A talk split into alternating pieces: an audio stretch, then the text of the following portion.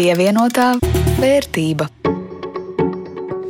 Sveicināti! Pirmdienas dienā klāt ir jaunākais raidījums par ekonomiku un naudas lietām - pievienotā vērtība. Ar to studijā Jānis Ramāns no Latvijas radio un Rudīts Pakausks no Latvijas televīzijas.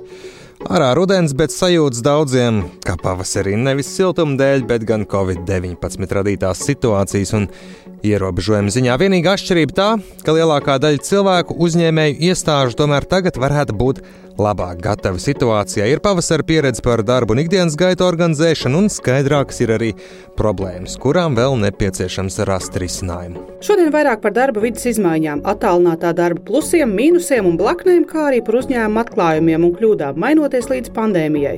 Bet vispirms īsi par aktuālo ekonomikā.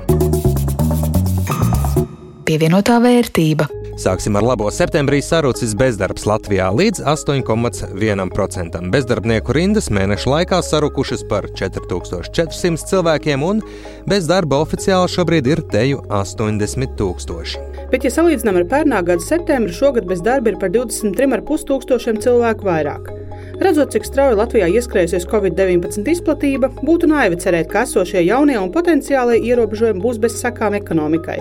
Prognozējams, ka bezdarbnieku skaits augs.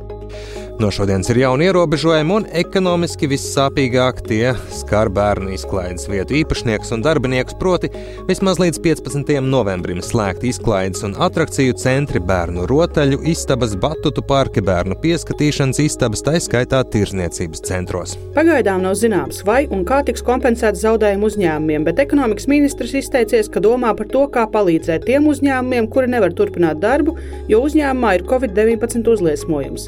Pavasarī tikām cauri viegli, bet tagad tādi jau ir vairāki, un šiem uzņēmumiem ir nepieciešama palīdzība, lai tie spētu saglabāt uzņēmumu un pārvarēt grūtības, jo slimos darbiniekus atlaist nevar, bet veselos pieņemt darbā arī nedrīkst. Naudu šim mērķim varētu ņemt no eksportējošo uzņēmumu atbalsta programmas, tur neizmantot ir 15 miljoni eiro. Tāpat ekonomikas ministrija rosināšot atjaunot dīkstāvus pabalstus tām nozarēm, kuras ierobežojumu dēļ spiestas iet dīkstāvēm. Baltijas akciju tirgos kritums aizvadītajā nedēļā tikai Rīgā - mīnus 0,12%, Lietuvā un Igaunijā neliels cenu pieaugums. Toties vairāk uzņēmumu plāno pamest biržu. Šādu ieceru jau pa labu laiku lolo Rīgas juvelieru izstrādājuma rūpnīcas lielākie akcionāri, un par šādu nodomu paziņojas arī Rīgas elektromašīnu būvas rūpnīca. Tās akcionāri par to lems novembrī. Saistībā ar Rīgas juvelieru izstrādājumu rūpnīcu dīvainas darbības ar to akcijām notiek jau labu laiku, un to pamanījusi arī Finanšu un Kapitāla tirgus komisija. Tā piemērojusi sodu 20 tūkstošus eiro tās lielākajiem akcionāriem - Aleftīnai Struļevičai, Vladimiram Cadovičam, Marijai Ančevskai, Valentīnam Istaminam un Sijā Namejs 1. Pārbaudē konstatēts, ka nosauktajiem pieder vairāk nekā 30% uzņēmuma akciju un tie rīkojas saskaņoti, organizējot biržas pamešanu. Līdz ar to tiem būtu pienākums izteikt akciju atpirkšanas obligāto piedāvājumu. Rīgas juvelēra izstrādājuma rūpnīcas akciju atpirkšanas cena obligātajā piedāvājumā plānota 27 eiro centi par akciju.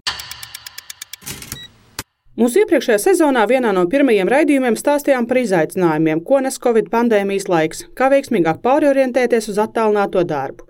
Ja daļai uzņēmumu, it īpaši informācijas tehnoloģiju jomā, tas nebija nekas jauns, daudziem citiem bija gan jaunums. Tagad ir pagājis pusgads, daudzos birojos vasaras gaitā ir atgriežušies cilvēki, un rosība var būt saglabāts labākais un ērtākais no attālinātā darba, bet atgriezies ar jaunu spēku ir arī koronavīruss, kurš atkal vismaz uz laiku patukšos Rīgas centra un birojas, un varētu domāt, ka tagad mēs visi tam esam labāk sagatavoti, jau zinām, kas un kā.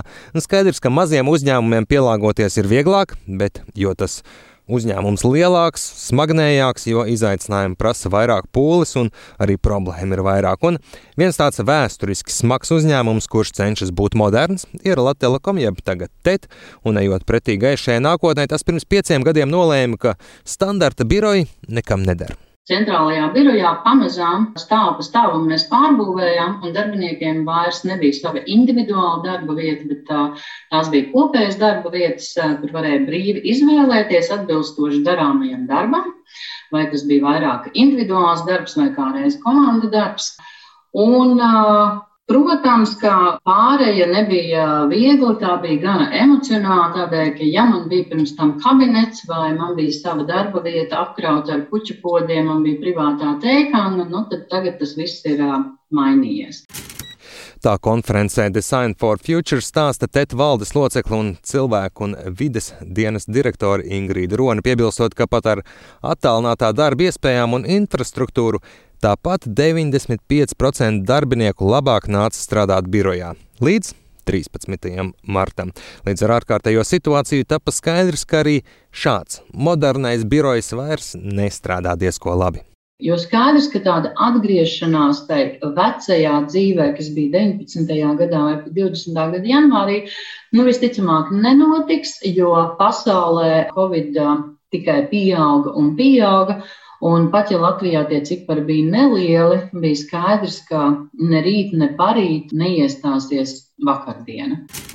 Viena no krīzes atziņām, ko pārņemt arī turpāk un ieteikt citiem, ir jāpalīdz darbiniekiem izveidot labus mājas birojus. Ieteicām paņemt gan biroja krēslus, gan lielos ekrānus, gan vēl kaut kādas lietas no biroja, kas būtu nepieciešams, lai mājas birojas būtu spējīgs darboties efektīvi. Un jāsaka, ka vairāk kā 150 mm, darbinieki izmantoja iespēju paņemt biroja krēslu. Un, un tā faktiski laikam ir viena no tādām lietām, ko nu, jau šobrīd, skatoties uz priekšu, es varētu teikt, ka katrs, kas domā par savu mājas biroju, padomājot noteikti arī par krēslu, jo mm, ērtība un ergonomiskums, kā mēs sēžam, ir būtisks, lai varētu efektīvi darboties. Sākotnēji katram piektajam darbiniekam bija grūtības pielāgoties jaunajiem apstākļiem. Es teikšu, tikai 17% no darbiniekiem norādīja, ka viņu produktivitāte ir kritusies. Un, ja mēs atceramies, ka šis bija laiks arī, kad gan skolas, gan bērnu dārza nestrādāja, tad uh, mūsu ģimenes locekļi bija viens no būtiskajiem iemesliem, kādēļ uh, šī produktivitāte uh, bija kritusies. Savukārt, maijā, novērtējot situāciju, aptauja uzrādīja jau labākus rezultātus, un septembrī mēs bijām patiesi iepriecināti, jo tikai 4% no darbiniekiem atzīmēja, ka viņu produktivitāte šajā laikā nav vēl atgriezusies tai ierastajā līmenī. Protams, atkarīgs no tā, vai darbiniekam apkārt skraida mājās kāds trīsgadnieks lēni, tuvinot bezprāta stāvoklim, vai mājas darba apstākļi ir ideāli. Laika gaitā tapa skaidrs, ka tomēr lielākā daļa labprāt strādā attālināti. Tiem patīk īsas, struktūrētas sapulces tiešsaistē, savukārt smagnējāk ar pārmaiņu pieņemšanu iet vadītājiem un priekšniekiem. Covid ir atnesis vislielākās izmaiņas darba organizācijā tieši vadītājiem. Jo individu līmenī, ja es esmu grāmatvedis vai zvanu centra operators, es kā strādāju pie galda, tā es strādāju. Savukārt vadītājam ir būtisks izmaiņas, jo vairs viņa darbinieki un kolēģi neatrodas uh, rokas uh, stiepiena attālumā. Maijā bija man uh, no kolēģa, kurš teica, zini, man ir sajūta, ka es strādāju nepārtraukti. Ja es saņemu e-mailu septiņos no rīta, un es viņu atbildu, un, un tad es saņemu kaut kādu ziņu tīmsā vēl 11. vakarā, un arī uz to es atbildu. Un es saku, kāpēc tu šādi dari? Jo tev taču nu, tas ir nesamērīgi strādāt no 7 rītā līdz 11 vakarā, pie kam nu, nav tāda krīzes situācija. Viņš saka, nu jā, bet kā tas vadītājs lai zina? Ka es tiešām strādāju, vai viņš tiešām notic, ka es strādāju. Un tad šī bija tāda viena ļoti spilgta lieta, ko mēs sapratām, šīs vadītāja darbinieka attiecības. Šī uzticēšanās, neusticēšanās, cik tā ir ārkārtīgi svarīga dzīvojot šajā elastīgajā darba vidē. Un šajā sakrā ir tendence, kas ir mainījusies strauji. Agrāk augstu tika vērtēti vadītāji, vizionāri, kuru prot iedvesmot padotos, radīt labu atmosfēru savā struktūrā, būt harizmātiski līderi, tie šajā situācijā pazūd un saskars ar problēmām savukārt veiksmīgāki attālinātajā vadībā ir tā saucamie praktiskie darītāji. Pielāgojoties jauniem apstākļiem, Tet ir sapratis, ka šobrīd var iztikt ar trīs reizes mazākas platības biroju, radītas atsevišķas zonas skaļiem, klusiem darbiem, attiecīgi vietas, kur strādāt individuāli un vietas, kur tikties nelielām darbinieku grupām, lai strādātu jau radošā gaisotnē. Protams, ne visas krīzes idejas strādā un izrādās veiksmīgas, kā piemēru Rone min ideju birojā ieviest dažādu krāsu aproces. Sarkanās velk tie, kuri grib ievērot divu metru distanci un prasa to arī no citiem, dzeltenās tie, kuriem drīkst iet arī mazliet tuvāk, bet zaļās tiem, ar kuriem droši drīkst sarokoties, apkampties un dzert no vienas krūzītes. Vasarā daudzās galvās Covid vairs neeksistēja. Un tas, ko mēs redzējām, ka kolēģi ļoti eh, brīvi tiekās un, un kopā jau dzer tēju un kafiju, un nekādi divi metri vairs neeksistē. Un uh, ir ļoti grūti tajā brīdī no vadības viedokļa pieņemt lēmumu, jo no vienas puses tu saproti, ka ir jārunā un jāturpina runāt par diviem metriem un drošu distanci un, un veselības drošību. Un tā pašā laikā tu saproti arī, ka ir muļķīgi uzturēt noteikumus, kurus tu nevari ne izkontrolēt, ne arī pārliecināt, ka pārējiem ir jāievēro.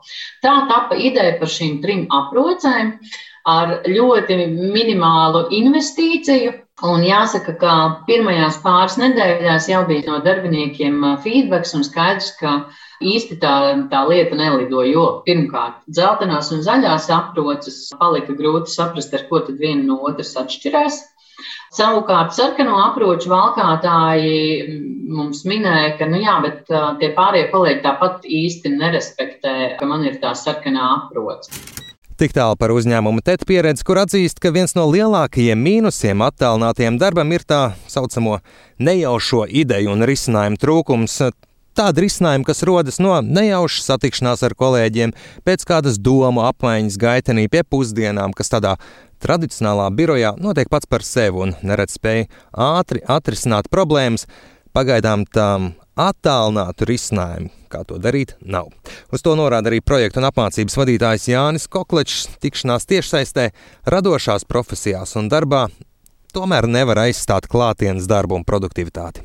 Gribējās nu, uz vietas radīt to sajūtu, kad ir apmācību darba grupa, kur nu, sasēžās cilvēki pie papīra lapas kopīgi komandā, 3-4 cilvēki un kaut kādu rada tādu, nu, teiksim, to mācību rezultātu, un to es īsti nezināju, kā izdarīt. It kā ir visādi rīki, bet arī pat tagad, pat šodien, nu, tas joprojām ir tāds kā izaicinājums. Un, un man liekas, ka nav vēl tā īsti tāda supertehnoloģija izdomāta, kas varētu aizstāt iespēju trījiem cilvēkiem sanākt kopā pie vienas papīra lapas un ar zīmolu kaut ko uzzīmēt un tā izdiskutēt ātri. Nu, tas ir palicis sarežģītāk. To es kā, gaidu, jo, manuprāt, projektos un apmācībās nu, nekas labāks par papīru un zīmoli un būt uz vietas un diskutēt un uzzīmēt nav pagaidām radīts. Savukārt, ja raugāmies uz pārmaiņām valsts pārvaldē, tad savā ziņā krīzes situācija tai pamatīgi iespēja liekot kustēties ne tik formāli un padarīt daudzas problēmas vieglāk risināmas, pat atļauties eksperimentēt, tā uzskata valsts administrācijas skolas pārstāve Agita Kalviņa. Es domāju, ka šī visa situācija mums ir ļoti iespērusi mums tiešām domāt ātrāk, daudz ātrāk un eksperimentēt. Mēs agrāk tādu lieta kā eksperimentēšana, kuru, piemēram, valsts pārvaldē mums, ja? nu kā, nu, tas nav tik vienkārši. Tev tomēr tas veids, kā operē valsts pārvalde, ir ar nu, noteikumiem, saskaņošanas procesu brīžiem diezgan ilgstošu, kamēr mēs nonākam nu, pie kaut kāda likuma vai noteikumiem. Tagad nav variantu. Tas viss ir par ļoti ātru eksperimentēšanu ar lietām. Jā. Paldies Dievam! Mēs ļoti ilgi gatavojāmies jaunu pieeju, risināt politikas plānošanā, un tā, kur visu laiku stāstam, ka vajag iet uz šādu veidu. Un, un grūti, tagad visi jau sadzird, jā, eksperimentēšana, tas ir tas, ar ko mums būs jāstrādā uz priekšu. Ja? Nu tā, tā kā es domāju, tās lietas paliks, nu, un tikai attīstīsies vēl vairāk nekā tas bija pirms. Skaidrs, ka šodien pieminētās problēmas to risinājumu nav vienīgie izaicinājumi, bet galvenā atziņa - pārmaiņu laiks ir bijis strauji, neizbēgams, bet tagad esam par kripatiņu gudrāki, labāk gatavi līdzīgām situācijām, un no attālinātiem digitāliem risinājumiem arī nākotnē paliks veiksmīgākie, un tie turpinās pilnveidoties. Un, lai arī televīzija tā arī nekad neiznīcināja radio, arī internets pilnībā neaizstāja televīziju Tāpat ar digitālie attālinātie risinājumi pilnībā neaizstās klātienes satikšanās dotās iespējas, lai gan, protams, centīsies to darīt. Pievienotā vērtība.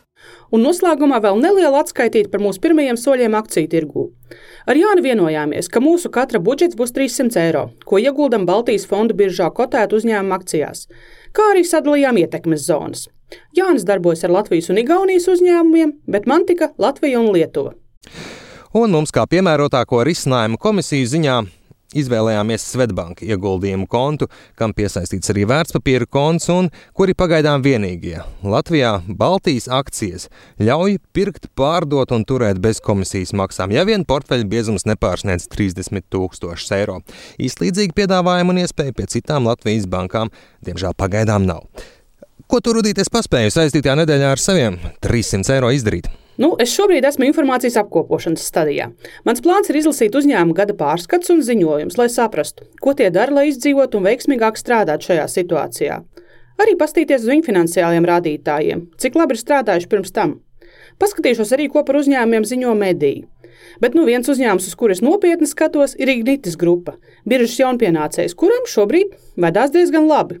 Es savukārt līdz biržas slēgšanai piekdienā paspēju savā ziņā apslapināt kājas, nopirkt ar ūdeņiem un kuģiem saistītas uzņēmumu daļas. Es izvēlējos Rīgas kuģu būvētājus un Tallinn grupas akcijas, jo Abas ir lētas, un kamēr kuģi vairāk stāv ostās, tie tāpat jāuztur un var tos paremontēt. Bet savukārt brīdī, kad tiksim ar koronavīrusu galā, un es ceru, ka tā būs, gan jau, ka tā linka prāmja atkal sāks kursēt, un vismaz tie lēmumi, ko uzņēmums ir pieņēmis tagad krīzes situācijā, manuprāt, ir pareizi.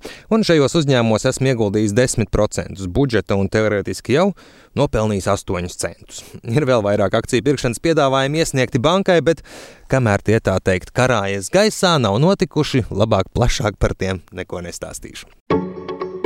Ar to arī skan raidījums pievienotā vērtība. Ar jums kopā bija Jānis Ramāns no Latvijas radio un Rudīts Pakausks no Latvijas televīzijas par labskanību rūpējās Uldis Grīnbergs. Atgādināšu, ka šos un citus raidījumus var atrast ne tikai Latvijas radio mājaslapā, bet arī populārākajās podkāstu apraides vietnēs. Uz tikšanos pēc nedēļas! Uz tikšanos! Pievienotā vērtība.